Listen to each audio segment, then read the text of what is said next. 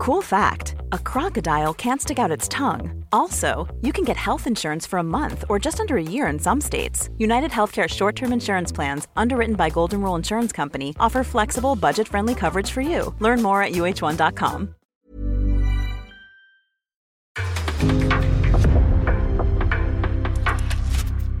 En podcast från Aftonbladet.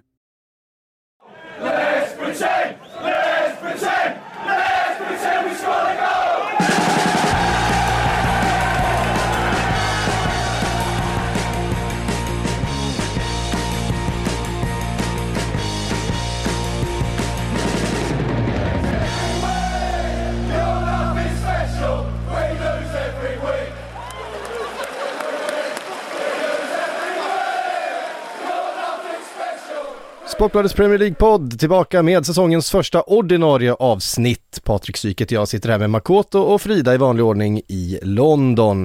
Eh, det blev en eh, färgsprakande, fullmatad första omgång hörni. Eh, vi kan väl gå igenom det som har hänt och sen så, eh, så tar vi matcherna en efter en som vi brukar. Vi hade eh, i fredags Crystal Palace Arsenal 0-2, följdes upp på lördagen då med Fulham Liverpool 2-2, det finns en del att säga om det. Eh, Bournemouth Aston Villa 2-0, det finns en hel del att säga om det också.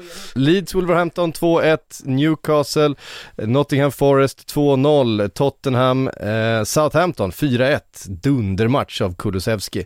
Eh, Everton Chelsea 0-1, Leicester Brentford 2-2, Manchester United Brighton 1-2 och sen sist då West Ham mot Manchester City 0-2. Och jag tänkte vi börjar där. Vi börjar bakifrån och så jobbar vi oss eh, bakåt i, i, i Alltså, tiden. oavsett så kommer vi börja och sluta på 0-2. Vi kommer börja och sluta på 0-2, så är det.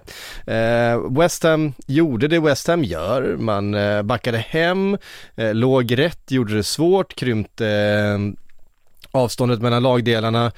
Men, off, men erbjöd otroligt lite framåt eh, Frida och då är det ju som det är mot eh, Manchester City som också såg lite trubbiga ut att förr eller senare blixtrade det till och det var ju såklart Erling Braut Haaland i sin Premier League-debut som, eh, eh, som var den avgörande faktorn i den här matchen.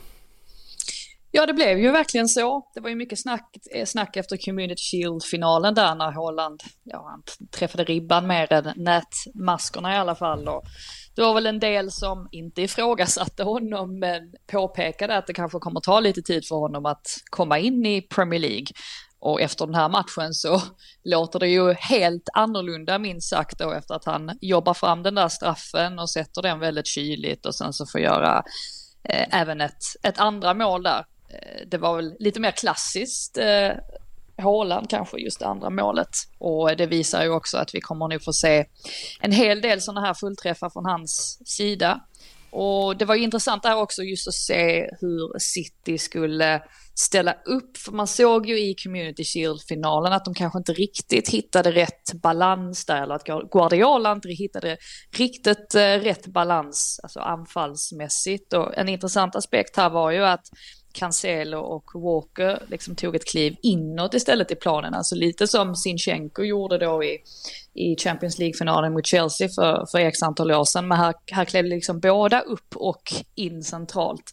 Vilket då, eh, ja, men det gjorde man väl antagligen för att man ville behålla, behålla possession och eh, försöka straffa West Ham på det sättet nu i och med att man har en, en striker längst fram. Eh, en spelartyp som man inte har haft på ganska länge ändå. Och det betalade ju av sig.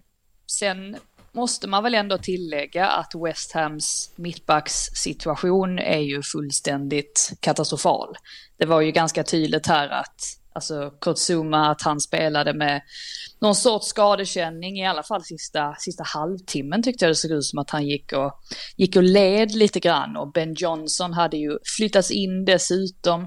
Mm. Och eh, ja, från sin ytterbacksposition. Så att det var ju väldigt tacksamt för Erling Haaland att möta det här försvaret.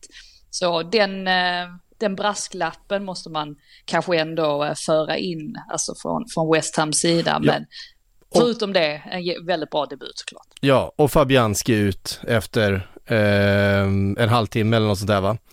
Nu har de ju för sig Areola som andra målvakt och det kan ju vara sämre än det, om man, om man säger så. Men... Def, definitivt, men det är, ändå, det är ändå första målvakten ut i ett redan liksom svagt eh, försvar. Så det, var inte, det var inte de bästa förutsättningarna för West Ham. Men alltså, de gör ju det de alltid gör.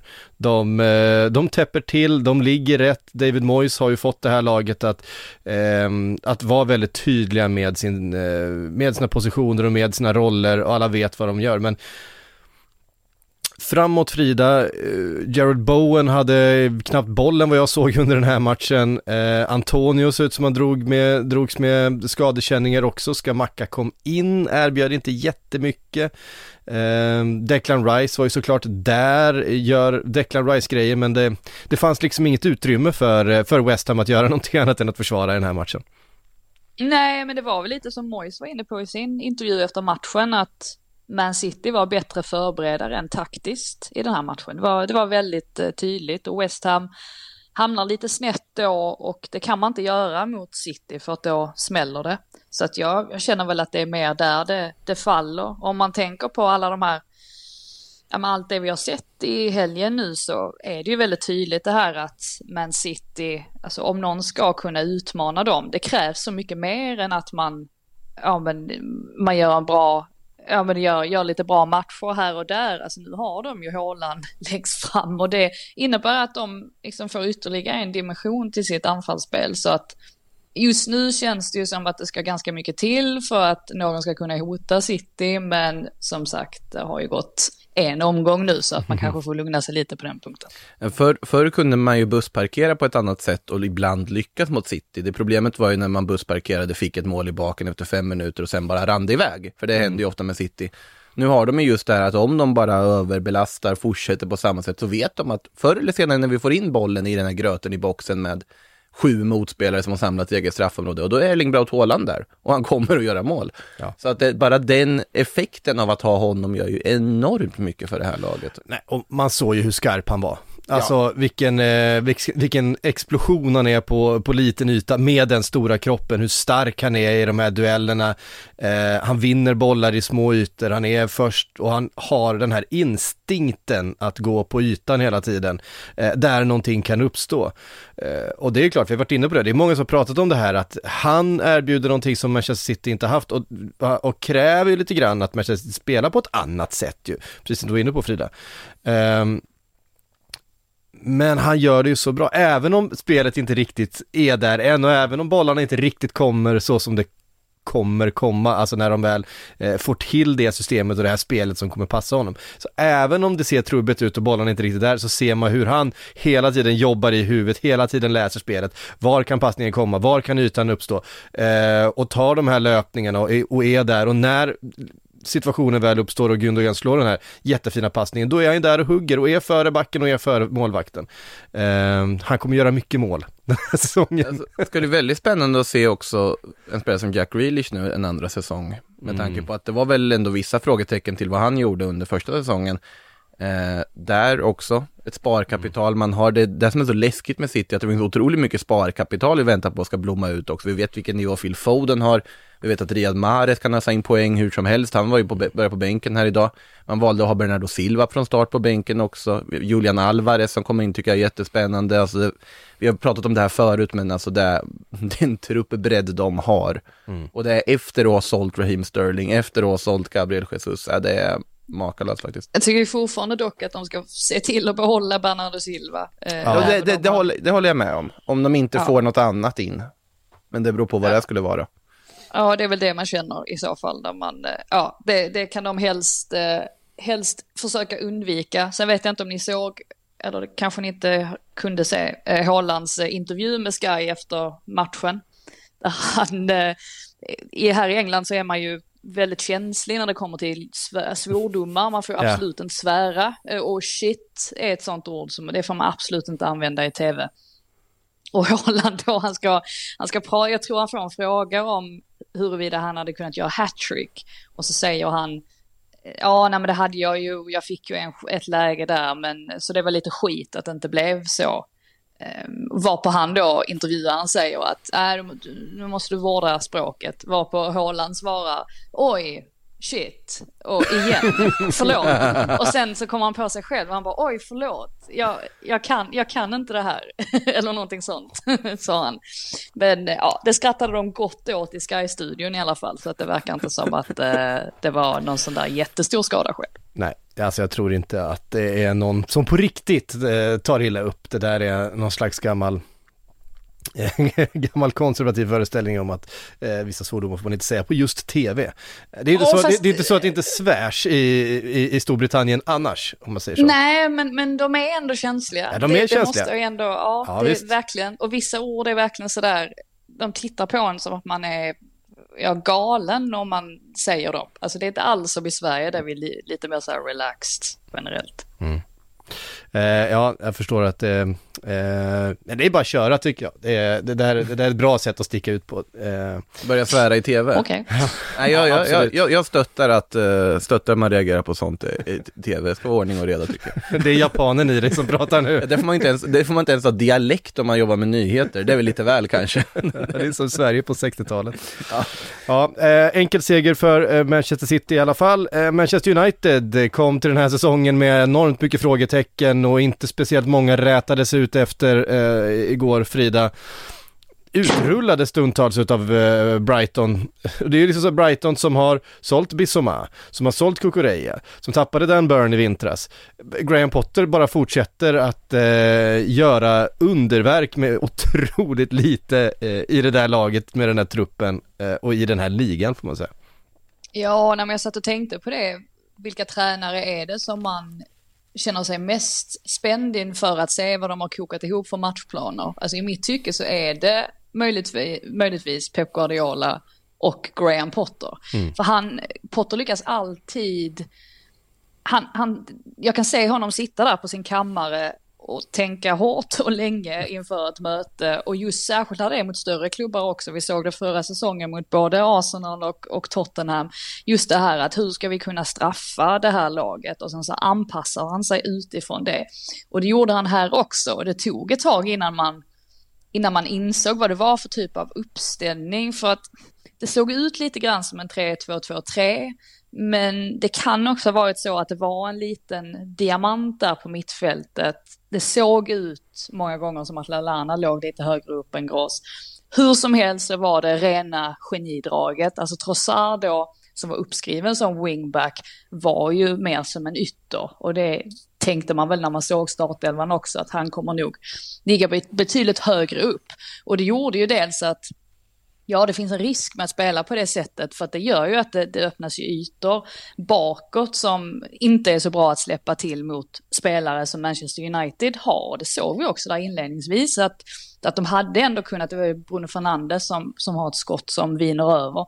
Han hade möjligtvis kunnat kunna, eller de hade kunnat straffa dem ganska tidigt in i matchen där. Men det de gjorde för att undvika det, det var att slå långt istället för att, som Brighton alltid brukar göra, att spela ut kort från, från målvakt. Och det gjorde de inte här.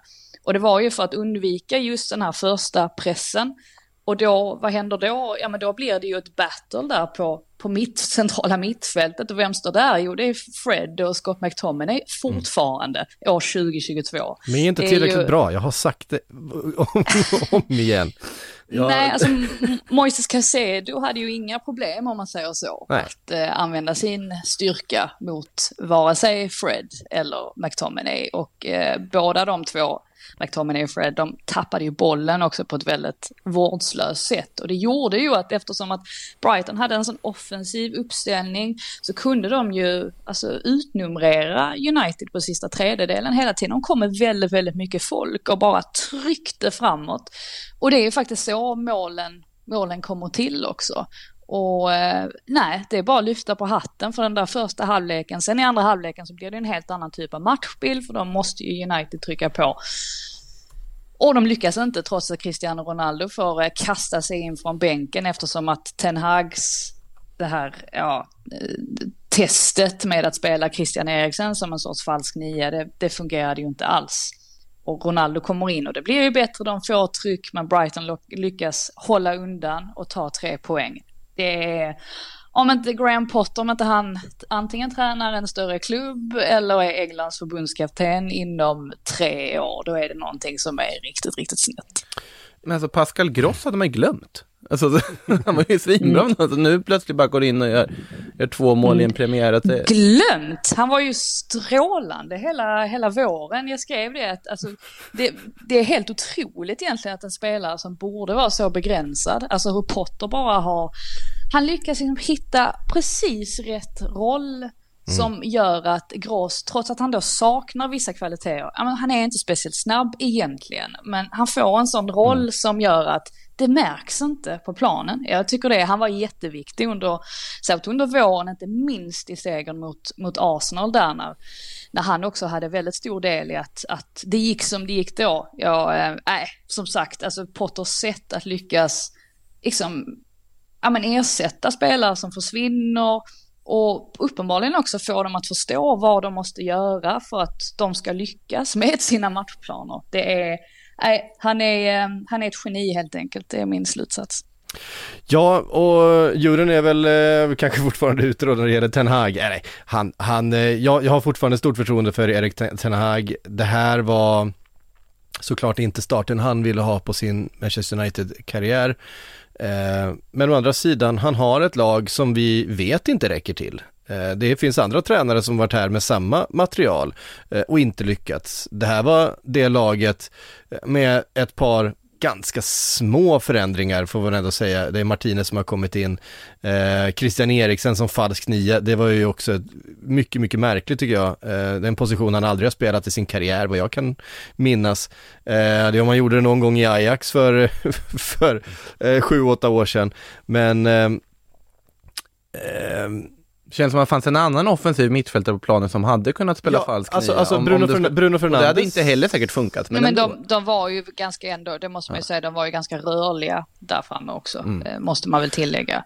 Men det som händer, eh, tycker jag, är ju att, att Bruno Fernandes och Christian Eriksen hamnar på samma position. De blir lite för, Fernandes har ju en bättre poängfot skulle jag säga än Christian Eriksen. I alla fall han har ett, ett större eh, eh, en större målfara eh, än vad Christian Eriksen är. Um, så att, ja, jag vet inte, jag, det, det såg lite, och det är också det som är märkligt är att det här känns lite grann som en, det här är inte hans, eh, liksom, grunduppställning, det här, det här kändes som en liten så här skohornad paniklösning och att ha det i första matchen på säsongen efter en hel sommar där man haft möjlighet att värva spelare, där man har haft försäsong tillsammans för att, för att förbereda sig på, på den här matchen. Och, och komma dit med eh, en laguppställning som inte kommer vara den som, vad, vi, vad jag tror i alla fall, kommer vara den som eh, kommer dominera den här säsongen eller kommer råda den här säsongen. Inte ens i närheten med att vara färdig med sin eh, Eh, med sin transfer eh, plan. Vi ser ju här nu att nu kommer uppgifter om att Manchester United vill, vill värva eh, Marko Arnautovic och eh, Adrian Rabiot. Jag menar, vad, vad är det som händer? Varför, varför, varför är vi här igen med Manchester United? Mm. Det är väl där också man återigen får komma in på det här att Erik Ten Hag kan ju inte göra så mycket när det kommer till rekryteringssidan. Där finns det ju andra som har ansvaret mm. i ledningen. Så att det är väl det som gör också att man återigen måste, måste titta på det här att ja, nej, den här matchen blev ju skit rent ut sagt. Men nu satt ju Antonio, Anthony Martial som vi hade, vi hade tänkt att han skulle komma in och, och, och fortsätta på sin fina försäsong. Nu, nu hade han ju nu var han skadad så han var inte med. Och då blev det helt enkelt att han testade det här för att Ronaldo enligt honom då inte hade kunnat spela 90 minuter. Så att ja, han, han gick ju snett här men det var ju också för att han föll i, i Potters fälla. Det är ju verkligen den sämsta tränaren att stöta på i sin allra första Premier League-match. För att Ten Hag hade ju räknat med att Brighton skulle spela som de alltid gör. Det är ju svårt i och för sig för att Brighton förändra sig eller anpassa sig utifrån motståndare. Man hade i alla fall tänkt sig att de skulle kunna pressa aggressivt och högt. Men det spelar ingen roll här för då tog bara Brighton långa bollar istället. Så att han, han sattes verkligen på pottan här. Och sen har de ju strukturella problem fortfarande. Alltså nu kan vi ju som sagt inte skylla på den här första pressen. Så det hade väl inte gjort någon skillnad om Cristiano Ronaldo spelade från start. För det är ju annars någonting som man ofta påpekar med honom att nej, men han, kan inte, han kan inte pressa, eh, han håller inte ihop pressspelet tillräckligt väl. Eller första pressen då. Men nu hade man ingen användning av den första pressen och då ser man ju alla de andra strukturella problemen, alltså bland, bland annat då i försvaret, inte minst. Så att det är mycket att ta tag i här. Men mm. ja, att man kopplas ihop med Marko Arnautovic, det, det, blir ju nästan lite som ett skämt ändå när det handlar om Manchester United. För att i den sitsen har de suttit för och plockat in anfallare som är ganska avdankade och ganska ja men lite äldre sådär, eller avdankade. Men då har det ändå varit liksom, men då har det ändå varit så här, Cavani, eller Zlatan, eller... Odion Igalo. Eller Falcao, eller något, något som, verkligen, som verkligen har en, en högsta nivå på den högsta nivån. Eh, det har ju Arnautovic aldrig haft. Alltså det, det, går ju att diskutera, Arnautovic är ju liksom Jag tycker Arnautovic är jättebra, ah. men han har ju aldrig, han har ju aldrig spelat på den nivån som en Cavani nej, eller Zlatan nej, nej, men... Han kommer ju inte heller med den pondusen, däremot så är han en ganska jobbig person det, tror jag Det är en 33-åring som ja, faktiskt kostar pengar att värva, för att det är inte som att Bologna vill släppa honom gratis. Och det är också det som är så anmärkningsvärt att att de sitter i det här läget när Eriksen här går ut och säger, ja men vi måste, det handlar inte bara om att värva spelare, vi måste värva rätt personer och rätt typer som vi vill ha i vårt lag. Och sen på en helg så ryktas Marko Arnautovic och Adrien Rabiot in. Och då undrar man ju liksom, är det verkligen det? Var, varför var man inte hårdare på Fabian Ruiz till exempel om man inser att Frenkie de Jong inte går? Där har du en helt annan spel som nu hamnar i PSG istället. Mm. Eh, Anfallsmässigt, ja de måste ha någon, men det finns många unga, spännande, intressanta forwards som skulle kunna göra ett bra jobb i United. Finns extremt många olika. Och då vill du lägga pengar på Marko Arnautovic. Det, jag förstår det inte överhuvudtaget. Eh, sen återigen, jag vet att det är väldigt svårt att sitta här och säga McTominay och Fred är fortfarande bra fotbollsspelare som jag har gjort väldigt länge. Eh, Fred vidhåller jag fortfarande, jag ser ju extrem nivå i honom egentligen. McTominay börjar man ju se ganska rejäla begränsningar i och det har man gjort innan med. Men uppenbarligen de två ska inte spela tillsammans, de behöver någonting annat. Och sen fick vi också lite indikator på vad han har tänkt med Lisandro Martinez när han går in i start i mittbackslåset med Maguire. Och det gör ju mig mer tveksam på den värvningen och de pengar man har investerat i honom överlag om det är bara en extra mittbackskomplement. Med tanke på att du har Rafael Varan på bänken. Du har Victor Nilsson Lindelöf i truppen. Eh, jag tycker att det känns på något sätt, jag vet att man vill ha en ny mittback, men jag tror, jag tror fortfarande inte att de defensiva bekymren var liksom individbaserade utan snarare kollektivbaserade. Eh, så att det är, det är många frågetecken och som sagt, du var inne på det, för Brighton är absolut sämsta motstånd man, man kunde fått i en, i en premiär. Med tanke på att ja, Graham Potter eh, fullkomligt spelade ut honom i det taktiska. Ja, eh, och nu eh, Ja, vi kommer att återkomma till det. Uh, man har också gett uh, Alex Ferguson en ny roll i, i klubben igen tillsammans med Brian Robson och David Gill. det, det, alltså det, De värvar Tom Huddleston nyligen också. Det, det, är liksom, uh, de, de har då, de ska ingå i någon slags think tank som ska ta fram en ny plan för infrastrukturen runt klubben och så vidare. Om man vill ha en think tank så, så är det illa. Alltså om man fortsätter att göra samma sak och förvänta sig ett annat resultat så, eh, jag vet inte, det, det, det, är, lite, det är förbryllande eh, väldigt mycket runt Manchester United. Men det är också så här, nu sitter vi här igen vi är en match in, nu sitter vi här igen och, och, och undrar vad fan det är som händer i Manchester United och, och, varför det inte går. Och så kommer negativiteten och så kommer hela Cristiano Ronaldo-grejen. Han vill fortfarande lämna det, helt övertygad om. Och så ska det värvas, grejer. vi har en månad kvar där det kommer vara kaos på transfermarknaden. Allting kommer kosta dubbelt så mycket som, eh, som det var tänkt för att eh, alla vet att Manchester United är desperata, alla vet att Manchester United har massa pengar, de målar in sig i samma hörn hela tiden. Det är ganska tröttsamt. Nu lämnar vi den A lot can happen in the next three years. Like a chatbot may be your new best friend. But what won't change? Needing health insurance. United Healthcare Tri Term Medical Plans are available for these changing times. Underwritten by Golden Rule Insurance Company, they offer budget friendly, flexible coverage for people who are in between jobs or missed open enrollment. The plans last nearly three years in some states, with access to a nationwide network of doctors and hospitals. So, for whatever tomorrow brings, United Healthcare Tri Term Medical Plans may be for you. Learn more at uh1.com. Matchen. Eh, Leicester-Brentford 2-2. Ja. Får fan spela. Får fan spela. Madison spela. Han är tydlig Brennan Rogers ändå. Med... Eh... Ja, de har ju inte värvat något, så de kan inte gärna sälja så mycket spelare. Eh, givetvis är det ju så.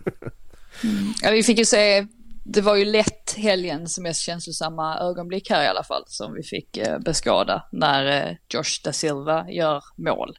Han var ju eh, på väg att avsluta sin karriär för ett år sedan på grund av en jättesvår höftskada. Och eh, Thomas Frank hade ju svårt att, det var ju nästan så att han fick tårar i ögonen när han pratade om det efteråt. Jag såg att Pontus Jansson också hyllade da Silva jättemycket på sociala medier och kallade honom för, för lillebror och sådär. Mm. Det är kul att se när en spelare kan komma tillbaka från en sån tuff skada, men här får man ändå konstatera att Leicester, de, eh, de säljer inte spelare kanske, men de ger bort ledningar väldigt billigt. ja. Där är så, alltså, eh, jag vet inte, vi var inne på det i eh, vårt införprogram här att Leicester har ju visserligen behållit alla spelare men det känns inte som att de tar några kliv framåt eh, rent spelmässigt. Eh, någonting behöver hända där om det är eh, Brennan Rodgers som måste lämna eller om det är en eh, ett utbyte utav manskap. Nu får vi inget utav det utan nu är det more of the same. Det var ingen höjdarsäsong förra säsongen, det kommer inte bli någon höjdarsäsong den här heller. Eh, starkt av Brentford att eh, ta sig tillbaka in i matchen och, och ta den här Alltså för deras, eh, för deras räkning, ganska tunga borta poängen såklart mot, eh, mot Leicester. Um, Ivan Tony i målskytt, eller målprotokollet direkt, också start på säsongen, viktigt för dem. Han måste ju vara igång för att de ska uh, kunna hota. Ja, uppåt. sen ska det väl ändå tilläggas att Leicester var ju bra de första 60 minuterna egentligen. Mm. Det som jag tycker avgör lite grann det är ju att Frank väljer att byta taktik. Alltså han startade ju med en fyrbackslinje med Ben Mi, men plockar av Ben Mi då och eh, går ner på en trebackslinje och det gör hela skillnaden egentligen för att då kan Brentford, de kan dels bredda på ett sätt som de inte hade gjort i matchen fram tills dess och kommer ju till betydligt fler läge och får verkligen tryck där mot slutet. Så att det var inte orättvist att de fick en poäng i slutet, absolut inte, för de hade verkligen trycket där. Men jag tyckte att det var det som ställde dem. Eh, Madison var väldigt bra i den här matchen också. Så att eh, det finns ju saker att hämta i Leicester. Det är mest att det är oroande att det har sett ut som det har gjort nu under transferfönstret. Och Rogers har ju bekräftat också att han exempelvis ville värva Luckman eller behålla honom permanent. Men att det inte gick heller så att det verkar inte som att det är mycket som har gått med honom. Nej. Nej, han skulle ju göra en, eh, en hel eh, overhaul av den här truppen sa han i, När, när han har sålt Wesley Fofana och han har blivit världens genom tiderna dyraste försvarare, då har han ju pengar att spendera om vi säger så. Ja, men det, jag, eh, På det... tal om att utnyttja desperata klubbar i slutet av fönstret. Mm, det... Precis. De lyckades försvara sex hörner i en match. de, de släppte ju inte mål, in mål och fasta om man inte räknar misslyckat inkast liksom. Nej, precis. Alltid något. Everton-Chelsea 0-1 eh, det satt eh, Det satt en stund inne, eh, en, eh, det var väl första halvlekens sista spark eh, i stort sett på eh, Jorginhos straff. Ehm, lite trubbigt, eh, vi har ganska låga förväntningar på Everton den här säsongen, lite högre på Chelsea men eh, det var, hur många frågetecken fick du uträta det här Frida? Ja, inte så många egentligen. Ja, det, det, märks ju, om vi börjar med Everton där, så märks det ju att det är någonting som saknas i anfallslinjen, alltså en central, central anfallare, särskilt nu när Carlos Lewin dessutom är, är skadad också, då ekar det ju väldigt, väldigt tomt där. Så att mm. det är ju ett sånt problem som säkert kommer vara återkom, återkommande nu under säsongen. Eh, Godfrey ut skadad också, såg inte alls bra ut för honom. Fick väl till och med syrgas när han bara sa. Det var väl benbrott mm. bekräftat också va, på ja. Godfrey? Ja. Mm. Ja, och ehm, ja, det, det, var ju, det var givetvis olyckligt för, för Frank Lampard och Evertons del också. I övrigt så, det man kan eller det man reagerar på är ju nu att Conor Cody ryktas till, till Everton. Eh, Liverpool-supportern till Everton, ja. vilket är ganska sjukt. Men en sån spelare tror jag hade gjort jättemycket för, för det här laget. För att, särskilt, nu, mm. särskilt nu också när Godfrey, när han blir skadad, då behöver man ju definitivt fylla på med, med försvarare. Så att, ja, hade inte förväntat mig sådär jättemycket av Everton egentligen. Hade väl förväntat mig lite mer av Chelsea ändå, trots att det har sett lite styltet ut under, eh, under försäsongen. Och det märks ju att Chilwell och James, att de kanske inte, eller särskilt Chilwell då, att kanske inte riktigt i slag än, men om vi pratar om sparkapital så finns det ju definitivt sådant eh, där. Sterling var ju i alla fall, han, eh, ja, han, han glimrade ju till. Mount gjorde däremot inte sin, sin bästa match. Nej, alltså Sterling är bra. Alltså Sterling gör väldigt sällan eh, dåliga insatser skulle jag säga. Han, han eh, kan ha långa perioder då det inte blir så många poäng.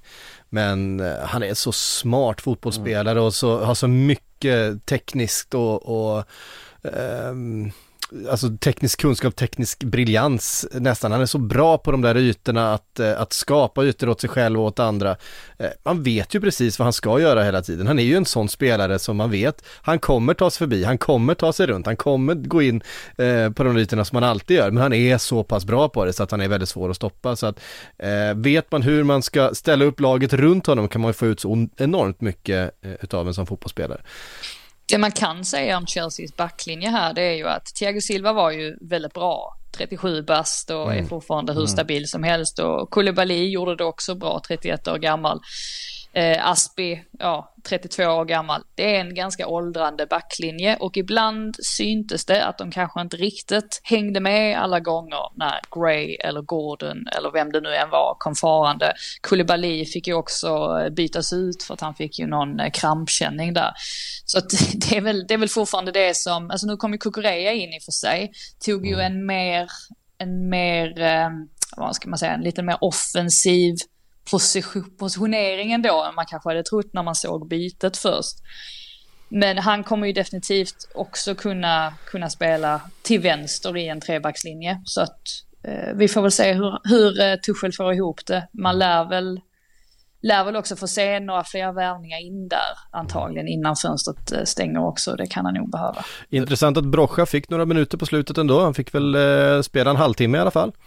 Eh, de har ju inte så mycket andra anfallsalternativ just nu eftersom Timo Werner är på väg bort och mm. Eh, så att det, man förstår ju varför de tittar till centrala forwards på så vis. Ja, Måste ja det är frågan, ja. det är då frågan om han, han är ju en Premier League-spelare, Broja, men frågan är om han han håller för Chelsea. Precis. Det är jag inte helt säker Nej, de, de behöver någonting mer. Det blir lite också så här, Kai Havertz är fantastisk, men på något sätt så han är ju bra på att öppna ytor för andra till stor del också. Och då då är, lägger ju mycket ansvar på att Sterling tar rätt löpning och att Mason Mount också tar en mer framskjuten roll och det är inte allt, eller att ja, Reece James gör det som jag har den bästa avslutsfoten i, av alla det på att säga.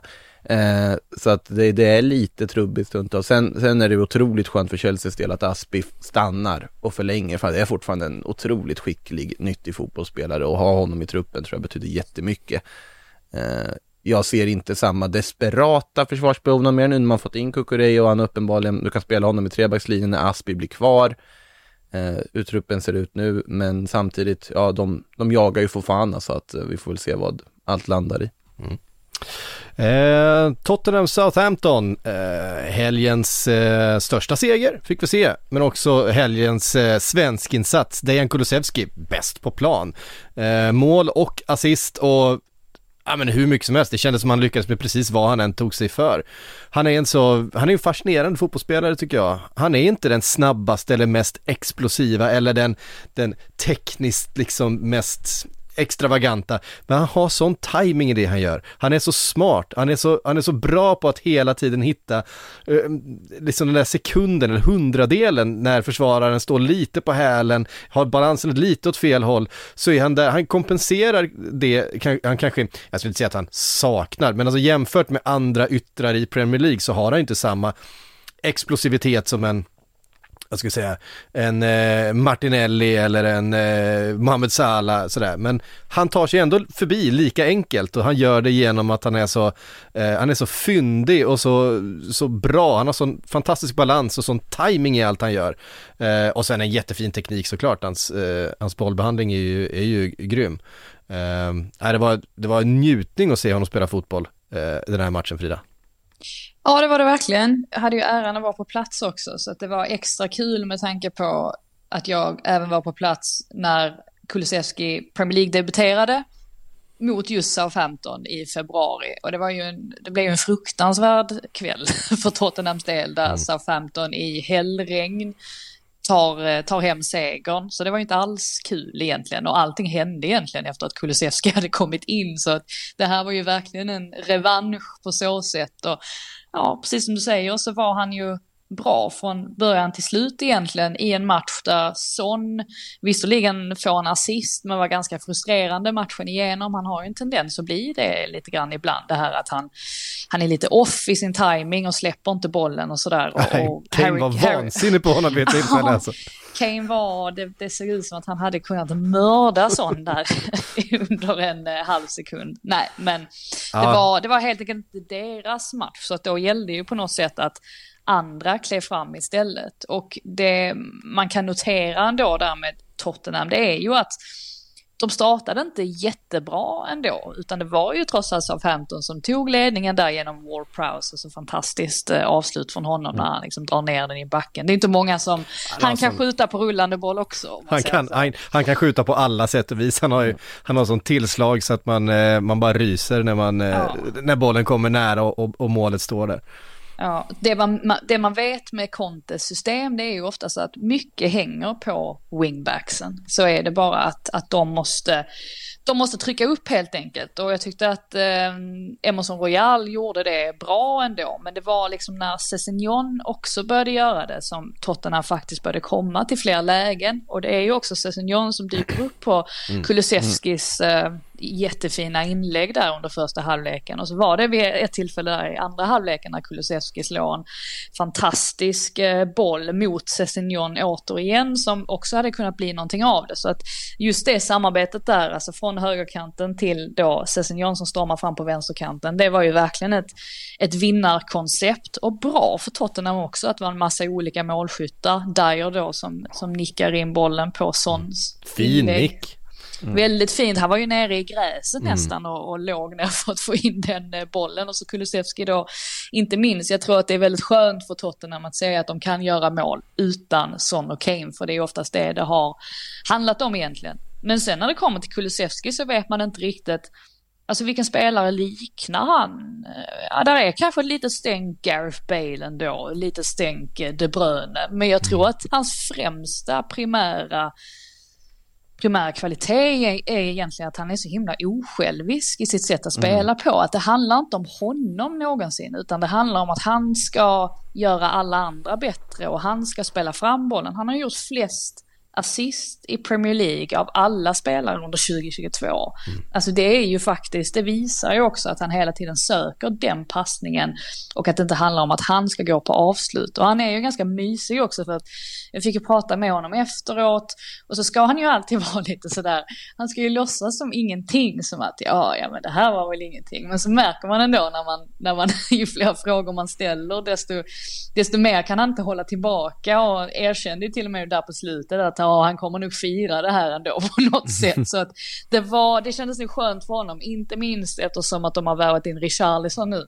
Och jag menar Conte, nu var ju Richarlison avstängd till den här matchen, vilket var förmodligen väldigt, väldigt bra för Kulusevski. För vad ska Conte göra nu? Han kommer inte peta Son, han kommer inte peta Harry Kane, han kan inte peta Dejan Kulusevski heller. Nej, det är helt omöjligt. Alltså, men det har någonsin en, om man tittar på en här vinterövergång, såklart många vintergångar har varit lyckade, men har varit lyckade för alla parter, alltså för båda parter på samma sätt som det är. Alltså Tottenham får en spelare som verkligen gör dem bättre, för Dejan Kulusevski att liksom få den uppsvinget på sin karriär när du får en tränare som, absolut, hans osjälviskhet det håller jag helt med om Frida, det är hans stora styrka, just det här att han alltid ger 110% för laget och gör det som krävs.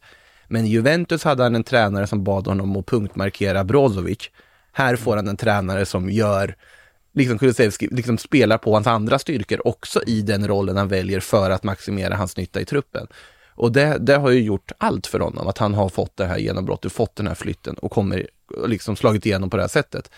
Eh, det som blir intressant att se, tycker jag nu, är ju i och med att man tittar på den andra kanten, om vi räknar med att Kulusevski håller sig till höger och får den här ytterrollen. Eh, det funkar väldigt bra när du har Sessignon som är den typen av vänster wingback som, som finns som ett alternativ till exempel. Perisic är ju en ganska lik typ egentligen som Kulusevski har på andra kanten. Jättefin inläggsfot, fin teknik, jobbar stenhårt. Han kan ta hand om en kant. Ja, och mycket av spelet när du har Perisic på planen och uppbyggnaden kommer gå genom en vänsterkant. Hur kommer det att funka? Nu fick vi kanske se lite av det i slutet liksom, men också om man tittar på längre sikt, för jag tänker att Perisic ska vara första valet. Hur kommer det att funka med, vad kommer Kulusevski behöva anpassa då, ifall mycket mer av spelet för, förläggs på den vänsterkanten i uppbyggnaden istället? Det ska bli väldigt spännande att se. Men oavsett så kommer han göra det som krävs. Nu har han en tränare som också spelar på Kulusevskis egna styrkor mm. när han ger honom de här uppdragen att vara osjälvisk. Ja, och... Jag tror dock inte att man flyttar på Sessignon så lätt nu efter det. Han var fantastiskt bra han också. Mm. Matchens mm. näst bästa spelare efter Kulusevski skulle jag vilja hävda.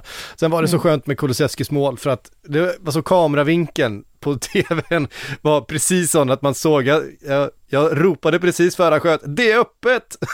Hemma i soffan, för man såg det så tydligt precis att det var liksom bort i stolpen. Och precis när jag skrek det så, så såg han det också. Man älskar ju när det, när det liksom, när man ser ytan och när man ser det som ska hända. Eh, det är inte alltid man gör det på tv, det kan vara lite lättare att göra eh, när man är live ibland, eller så är det ännu svårare om man står på en kort sida och då undrar man vad som har hänt egentligen. Eh, men det gillar jag. Och sen eh, Salisus självmål eh, är ju också bland, ja, det, bland, bland det dråpligare för att den bollen går ju inte in överhuvudtaget. Den kommer ju bara rulla rätt genom straffområdet och han behöver bara toffla bort den och tofflar in den rätt in i eget mål. Och det är återigen Southampton fortsätter att läcka. Mm. Jag säger bara det, punkt. Ja. Eh, Newcastle, Nottingham Forest. Eh, första matchen då för Forest tillbaks i högsta ligan på, vad är det, 20, vad har vi kommit fram till? Ja, vad blev det? Jag har skrivit den här siffran så många gånger. Ja, 27 år, 28 år. Eller har jag glömt bort den? 20 många år. 20 många år. Eh, jag minns ja. faktiskt inte heller vad det var. 24. Ja, det kanske det var. 24 känns eh, Det blev en, eh, eh, ett rude awakening för eh, Nottingham Forest och det är klart att borta mot Newcastle i sån här match så har man inte något favoritskap direkt. Men vi fick se ett, eh, ett Newcastle som såg ganska tryggt och ganska tungt ut, måste jag säga. Det kommer vara svårt att hämta poäng på St. James' Park eh, den här säsongen, Frida. Ja, nej men verkligen. Eh, Bruno Guimaraes återigen en riktig, vilket, vilket klipp de har gjort där och plockat ja. in honom. Han, är, han jobbar så hårt och han ser passningar som ingen annan ser. Han hade flest lyckade passningar i den här matchen, flest lyckade dribblingar. Han var, han var en gigant så att säga och Joey Linton tyckte också gör en bra match. Det märks att han har väldigt stort självförtroende. Han ger ju sig ut på sina små räder och sånt som man kanske inte gjorde tidigare. Och så Fabian Kär som drar till med en riktig rökare. Var kom, var kom det ifrån? Och Callum Wilson vet vi, har vi hyllat hur mycket som helst i den här podden. Alltså vilket avslut, så riktigt så här snärtigt avslut med yttersidan. Så att det var ju mycket som gick med Newcastle på det sättet. Forrest å sin sida, jag tyckte att de såg nervösa ut. Ja. Det var nästan som att de skapade knappt någonting alls. Jag tror de landade på så här 0,28 i expected goals, vilket ju är en, en väldigt låg siffra. Så att just det här att de har värvat in lite spelare, ja det är väl Jesse Lingard som är liksom själva kronjuvelen. Ja, just nu ser det inte ut som att det här räcker i alla fall. Alltså det, det var ju väldigt hopkokt i elva här också. Det var väldigt många nyförvärv som var, alltså Neka in som den nya försvarsgeneralen där, måste ju jobbas in i det. Eh, helt nytt på kanterna med Toffolo och Williams på varsin. Alltså sen, sen spelare som så här Mangala och Avoni som kom in från bänken nu, de är ju tänkta att starta sen. Eh, jag har väldigt svårt att se att det här Nottingham-projektet ska sluta med att man har Lingard, Colback och Brian som tremanna mittfält. Eh, det är ju inte färdigt projekt det här än. Och utifrån det så absolut, det, det såg rörigt ut, men jag tror att det, det är för tidigt att bedöma dem innan de har fått in allt som de ska in där. Men samtidigt såklart att Fulham-risken finns, om vi säger så. Uh... Ja, och så tittar man på spelarna också. Alltså förutom Jesse Lingard där, det är ju väldigt många oprövade kort ja. också. Alltså mm. spelare från Huddersfield och, och så. Alltså, ja, jag, jag, tror att de kommer få det tufft i alla fall så som det ser ut nu. Mm. Ja, det är som det ser ut nu, absolut. Eh, Leeds Wolverhampton 2-1.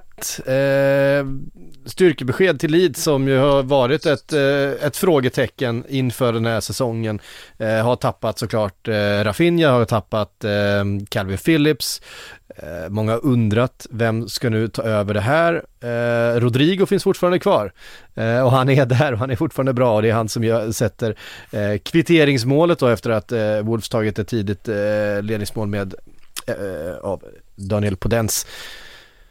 Viktigt för Leeds att komma igång den här säsongen. De eh, har ju annars en sån där risk hängande över sig att man väldigt tidigt dras in i en, eh, en bottenstrid och eh, ja, men det blir mycket frågetecken. Det, vi har varit inne på att eh, tränaren eh, också har en del frågetecken runt sig. Eh, finns kanske inte den här självklarheten. Det var en tuff säsong förra säsongen. Man klarar sig med minsta möjliga marginal till slut. Eh, viktigt att inleda den här säsongen starkt. Mm. Bruno Lars var ju fullkomligt rasande efter den här matchen. Och uppenbarligen är det någonting som Jesse Marsh har sagt till honom som han inte var så glad i. Men Lars avslöjade inte vad detta var och Marsh ville inte heller säga vad det var som hände. Men de hade ju en ganska het ordväxling där efter, eh, efter slutsignal. Och Lars tyckte ju också att Wolves borde ha fått med sig någonting i den här matchen. Mm. Och eh, ja, det kan man väl, det kan man, man väl argumentera för. Ja. Mm. Det, man kan, det man kan säga är ju som var anmärkningsvärt, precis som vi var inne på tidigare, om Connor Cody, att han satt på bänken. Wolves, eh, eller Lars har ju bestämt sig för att köra med en fyrbackslinje nu och då får Cody inte plats och det är ju därför han ska skeppas iväg till Everton. Jag tror att det kan vara lite farligt att göra en sån grej ändå för att Cody har varit i Wolves, han är ju en av få som har varit med hela vägen med Wolves. Mm. Och på något sätt att tappa en sån röst i omklädningsrummet, ja, jag är inte riktigt säker på att det är en, det är en särskilt bra idé. Men eh, ja, vi får väl se hur de, hur de klarar av det. Sen i, i, i Leeds fall så var det givetvis jätteviktigt, och precis som du sa, att eh, ja, men få den här segern och Jack Harrison var ju, var ju jättebra. Han skapade sju möjligheter. Det var fler än någon annan spelare i Premier League denna helgen. Brendan Aronson, han fick ju inte målet där det var väl Ait Nouri ja, som, ett, som fick det till slut. självmål till slut. Ja, mm. ja Med, Medford, nu säger jag Medford med amerikansk eh, accent. Medford Messi ska han tydligen kallas. Jag vet inte om jag vågar vågar, eh, eller om jag tycker att han ska stämpla som det redan, eller Medfords Messi i för sig, men att eh, jämföras med Messi riktigt än. Men eh, han fick ju också en, en bra start här, så det finns att bygga vidare på, vidare på för, för Mars och Leeds del, definitivt. Här ser man ju också just det, vikten av att vara tidiga ute i sin liksom truppbyggande på en sommar, att Leeds var ju jättetidiga med alla sina värvningar. Eh, och då är det så att då har man fått en försäsong, då kan man starta med Mark Rocka Adams på mittfältet direkt i en premiär. Du kan spela Christensen direkt i en premiär, du kan spela Aronsson direkt i en premiär. Det var ju många lag som där de inte har hunnit jobba in de här spännande nyförvärven riktigt än. Och ja, det var en väldigt bra start tyckte jag för eh, mitt nya favoritduo som jag kommer sitta här och hoppas på under hela säsongen, Mark Rocka, Tyler Adams. Elites där, de dubbla Calvin Phillips-ersättarna. Jag tyckte de fick en eh, kalasstart här också och såklart då vi med seger med. Mm. Ja, eh, på tal om eh, tidig seger. Eh, Bournemouth är ett lag som de flesta haft på nedflyttningsplats i sina tabelltips. Aston Villa å andra Inte sidan jag. ska vara ett, eh, ett lag att utmana uppåt. Eh, Bournemouth 2, Aston Villa 0 och redan nu börjar det blåsa snålt runt Steven Gerrards Pochettino står redo, eller hur? ja, precis. Um... Ja, otroligt. Uh, ja, men det, ja, vad ska man säga egentligen? Alltså Gerard har ju inte riktigt, har inte hittat någon stabilitet eller ett system som är optimalt för det här Aston Villa. Tyron Mings på de, bänken. Ja, exakt. Och det var ju också, jag, jag tycker att det var tyckte att det var fel. Alltså med far, lätt att säga med facit i hand, men visst, alltså Mings är inte, han är inte hundraprocentig som mittback heller. Han har sina brister, men hans kvaliteter finns ju i luftrummet. Och det är ju där man, det är ju där man tappar vid det här första målet då. Och Carlos Konsa kanske inte riktigt kompletterar varandra där på samma sätt som, som Mings hade gjort med, med någon av dessa. Sen är det ju en fin fin nick av eh, Kiefer Moore där och han får ju väldigt mycket tid också att mm. sikta in sig och, och, och, få in den. Så att här, jag tycker också att Villa spelar väldigt, väldigt väldigt, väldigt smalt på något sätt hela tiden. Och det kräver ju att ytterbackarna fyller på framåt. Men de har liksom ingen riktig, ingen riktig target. Så att det är väl där jag står med Aston Villa just nu. Att Gerard verkar lite förvirrad och det är nog inte bra med tanke på att han just har så mycket press på sina axlar och att de har investerat så himla mycket pengar i, eh, i truppen. Så att där måste någonting ske väldigt snabbt. Men eh, gött för, för Bournemouth. Det är ja, härlig start för dem. Ja, och för, men, eh, tittar man på, på det här Aston Villa startelvan eh, Eh, så är det ju, det går, det går ju verkligen att argumentera för att de ska sluta högt upp. Eh, Martinez i mål vet vi, eh, han eh, kan göra en jättesäsong. Matti Cash, Lucas Dign, Diego Carlos, Estri Konsa. Det är ingen dålig backlinje. Mittfältet har du John McGinn, Jacob Ramsey och Kamara. Det är, ingen dåligt, det är inget dåligt mittfält. Och där framme har du en fronttrio med Danny Ings, Filipe Coutinho och Leon Bailey. Det, och de byter in Buendia, Watkins, Douglas Lewis. Ja. Alltså det är truppbredden också. Vi har två svenska landslagsmän som sitter på bänken. Tyrone Ming sitter kvar där också. Ashley ja. Young sitter kvar. Det här är ett lag som ska slå Bournemouth. Ja, såklart det är. Eh, och det, för Bournemouth var ju varit oroliga för deras trupper. Den tycker att det var många spelare som snarare här visade att jo men visst är vi att räkna med. Eh, må så vara att Aston Villa inte kom upp i nivå heller, men alltså, jag tror jag ska se Jefferson Lerma fungera i en trebackslinje, men det gör han ju bevisligen också. Eh, Lloyd Kelly som man spådde en lysande framtid med, liksom stannat upp lite i utvecklingen med kaptensbindel på arm, liksom strålande här. Mm. Eh, det finns mycket positivt. Nu får man in en målvakt också här i Norberto Neto som har blivit klar, men måste vara att uh, Travers sköter sig utmärkt här också. Absolut. Um, en annan nykomling som fick med sig poäng, dock inte tre i slutändan, vilket man ju faktiskt hade eh, goda möjligheter att göra. Det var Fulham mot Liverpool. Eh, Liverpool som eh, har eh, ett visst favoritskap på sig såklart inför säsongen. Man ska vara med och utmana om den här titeln. Eh, såg pigga och rappa ut i Community Shield mot Manchester City. Det gjorde man inte i den här matchen Frida mot Fulham. Det såg trögt ut, det såg eh, nästan lite oinspirerat ut och, och Fulham utnyttjade det till fullt. Såg betydligt eh, mer inspirerade ut, mer, mer eh, drag i löpningarna, mer eh, vilja på något sätt i, i närkamperna och eh, i pressen. Ja, vilken intensitet de klev ut med Fulham. Det hade man inte kunnat tro egentligen. Alltså, att de var ett väldigt intensivt lag eller att, ja, de var ju snarare ett lag som, som, eller är ett lag som väldigt gärna vill hålla i bollen. Men just det här att de klev in och verkligen stängde ner Liverpool som ett lag. Alltså så fort de tappade bollen så omringade de Liverpool direkt för att vinna tillbaka den. Det hade jag kanske inte riktigt trott. De tvingade ju hela tiden Liverpool att slå långt och så kunde de bara suga till sig bollen mm. igen. Och så har man då Mitrovic där framme som uppenbarligen har eggats på av allt det här snacket om att han inte kan lyckas i Premier League för att jösses vilken, eh, vilken pers det blev för van Dijk där som han definitivt inte gick vinnande ur. Och Mitrovic som gjorde tre mål senast han var uppe i Premier League ja, han är på god väg om man säger så att slå det rekordet. ja, verkligen. Han körde över Trent Alexander-Arnold på bortre stolpen där kan man säga. Uh, och det, det, det, vet vi, det är inte, världen, det är inte världens starkaste eh, huvudspelare defensivt, eh, Trent.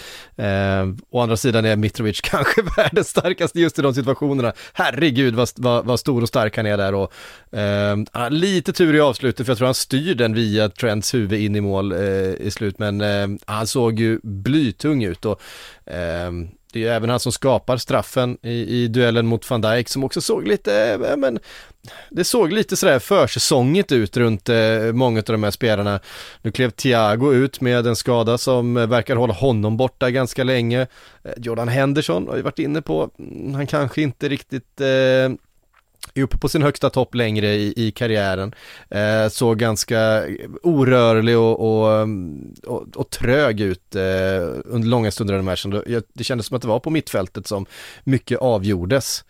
Eh, sen så händer det ju en del grejer under andra halvlek. Eh, Darwin Nunez kommer in och får en halvtimme och då blir det en annan match faktiskt. Han kommer in och gör 1 plus 1 och, och är den som räddar den här poängen åt Liverpool. Ja, nej men det är ju det. Det, det var ju ett... Eh det var ju, vad säger man, ett listigt avslut där på honom ändå. Eh, sen är det väl, är det Adabioyo som är sist på bollen där va? Nej, det är tvärtom är det. Det är faktiskt han, tvärtom. det är faktiskt han som, som, som styr den på klacken på, eh, på Darwin Nunez. Ja, det blev ju, det blev ju bra hur som helst. Ja.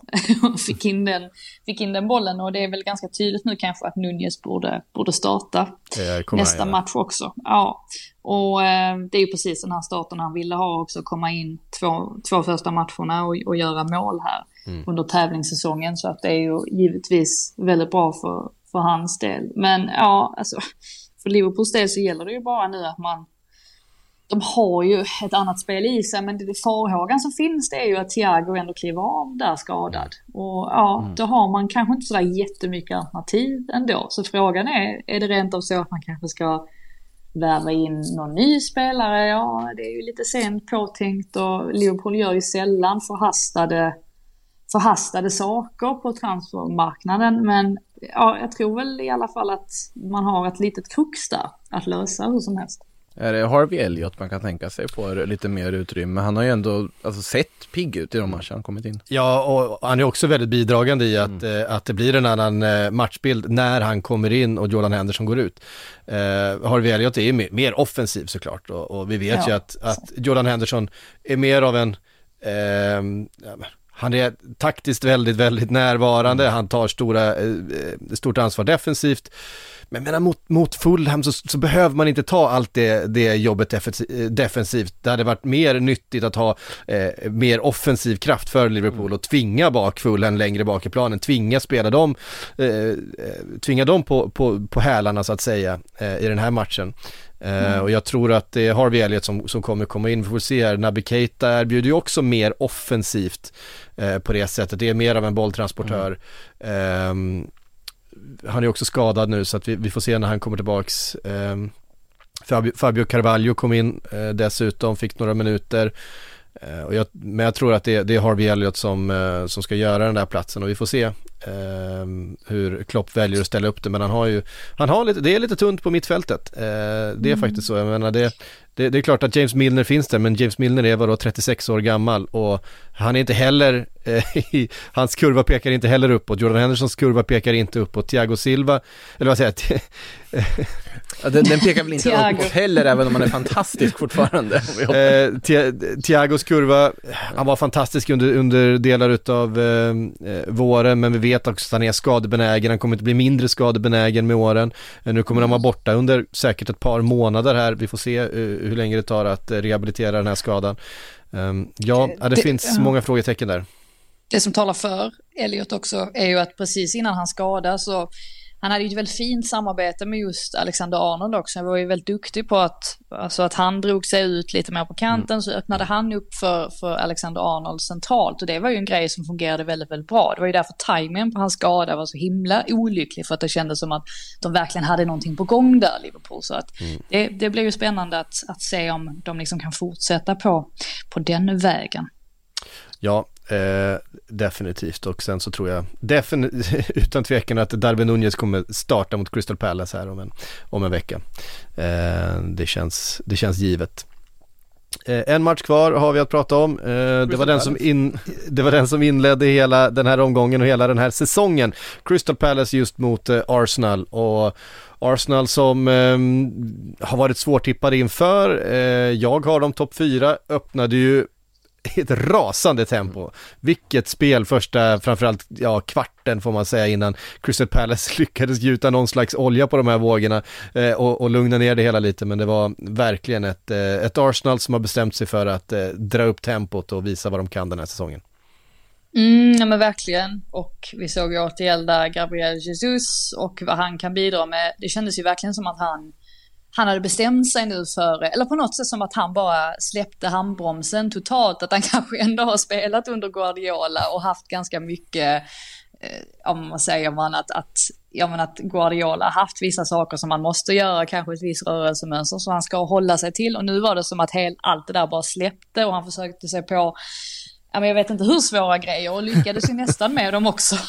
Och eh, det är ju lovande att se ändå den här starten från, från hans sida då. Mm. Och eh, sen kan jag tycka ändå att just att det blir mål på en hörna är lite fint. För att det var ju faktiskt någonting som fungerade väldigt bra förra säsongen. Och det är ju Nico Jover som kom in där inför förra säsongen som har liksom ändrat på hela den biten och verkligen förbättrat Arsenal överlag. Och det är ju en variant där då, där Sinchenko först befinner sig liksom utanför straffområdet och så tar han en liten löpning in då, en liten, liten halv loop sådär. Och kan nicka fram bollen till Martinelli då som, som drar in den i mål. Så att det är ja, väldigt klassiskt ändå att Arsenal får in sitt, mål på, sitt första mål på, på det sättet. Och sen en spelare som givetvis ut här, det var ju William Saliba. Det trodde man inte. Man, man, eh, man hade fått för sig där att Arsenal rent av plockade fel talang från saint Etienne för eh, alla de där år sedan. Sedan när Wesley Fofana gick mm. till Leicester istället. Och honom har det ju gått bra för också, men Saliba har ju verkligen, alltså det han visade på Sellers Park, alltså just hur, hur majestätisk han var bredvid Gabriel. Alltså, jag tror inte att White kommer peta honom om, om Saliba fortsätter sådär. Och nu spelade ju White till, till, på, som högerback eftersom att Tomiyasu var skadad. Så att jag tror att uh, White, trots sin 50 eh, miljoner punds prislapp kommer, uh, ja, jag tror han kommer hänga lite löst där. Ja, jag tyckte det var intressant. Eh, jag lyssnade på Gary Neville lite tidigare idag här. Han beskrev Saliba. Han tyckte det, han påminner väldigt mycket om när Rio Ferdinand kom till Manchester United och man såg den här råa potentialen i dels fysiken men också spelsättet. Ehm, och det är väl den, den högsta berömmet man kan få eh, av en spelare som har spelat så nära en av världens bästa mittbackar eh, i Rio Ferdinand. Hur en, eh, vilken potential han faktiskt besitter Saliba. Eh, för det såg riktigt, riktigt bra ut. Han hade timing i det han gjorde eh, och mm, han kändes inte som att han han kommer bli, eh, han, kommer inte bli, bli bullied av någon i, i den här ligan, det känns inte så. Nej men han har ju, alltså han hem, förra säsongen i Marseille var han ju en av ligans bästa backar. Marseille har ju varit nästan desperata på att försöka få tillbaka honom, även om man förstått att Saliba ska tillhöra truppen, och man har ju åkt till London för att försöka få in och få tillbaka honom på något sätt. Nu fick de ju behålla Guendouzi som ju också fick ett lyft i Marseille ska bli kul att se om Nuno Tavares kan få samma sak när han har gått i Marseille nu, för uppenbarligen så är det ju ett lyckat drag att som Arsenal-spelare bli utlånad till Marseille. Eh, du lyfter då. Eh, nu blir inte Tavares mål till och med tror jag också i premiären här nu. Eh, för Marseille men inte helt ute och cyklar. Men eh, nej, Saliba blir ju svår att flytta på. Det är ju inget snack om saken och det, han har, fint att han får visa det nu också, även om det var många år som Arsenal-fansen fick vänta och hoppas där.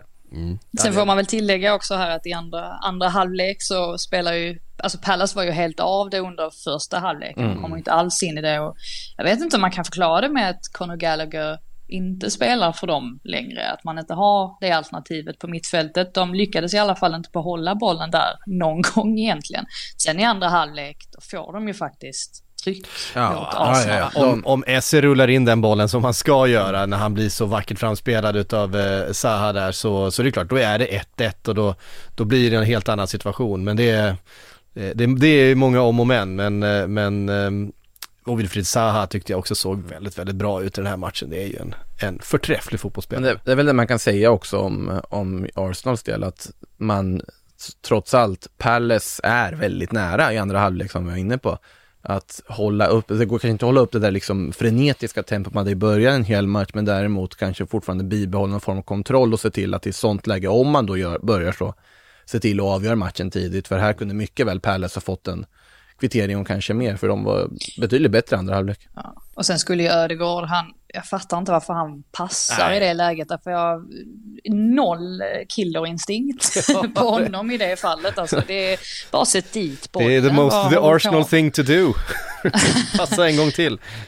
Ja, men det blir, det blir lite för mycket där helt enkelt eh, från hans sida. Intressant också bara med, med White som jag noterade det att jag har nog aldrig sett så spridda spelarbetyg som, som, som spelarbetygen var spridda på just honom efter den här matchen.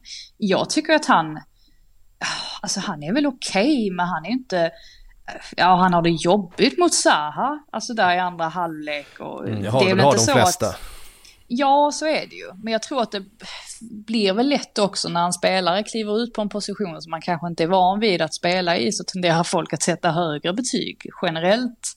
För att det är på något sätt som att man kompenserar mm. för det. Eller man känner att, att, eh, ja, att eftersom att startsträckan blir lite längre. Men eh, nej, jag, jag tror väl på att Tomiyasu kommer kliva in och ta den, ta den platsen i, ja, när han blir skadefri. Så vi får väl se vad som händer med White då. Mm.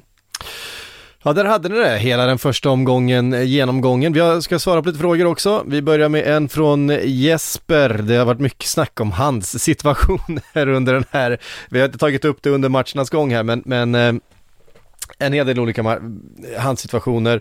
Eh, han skriver så här, tre handsituationer bara i Palace Arsenal. Finns det nya direktiv för hands? Eh, gör det det Frida? Inte vad jag vet, men den här hans, hans, hans eh, regeln ja. är svår. Alltså det, det jag kan säga om eh, exempelvis i mötet, i Tottenhams möte där med Southampton, när det är, det är väl Steven som får bollen på handen där i straffområdet. Då har ju mm. Stevens armen lite bakom sig. Mm. Och tydligen har de ju blivit blivit tillsagda nu domarna att inte döma straff om det är så att armen, eller att bollen touchar armen och den är lite bakom kroppen. För att man menar på att Stevens har ju ingen, ingen som helst chans att, att flytta på den armen och han, han, hans intention är ju också att föra armen bakom kroppen för att bollen inte ska ta på den. Så att där är det ju uppenbart liksom att man kanske har blivit lite att man inte är lika strikt som tidigare, men jag tycker ju att handsregeln är, den är ju horribel på, ja, på så många sätt. Och dels eftersom att Ja, det är en sak om det är alltså väldigt uppenbar hands, där man ser att det är, ja men där spelaren menar att, att ta med, med armen eller handen och, och liksom rädda öppet mål eller vad det är. Men just de här situationerna när man inte har någon som helst chans att flytta på den. Det känns hårt då att det ska bli en given målchans enbart på, på grund av det, det kan jag tycka i alla fall.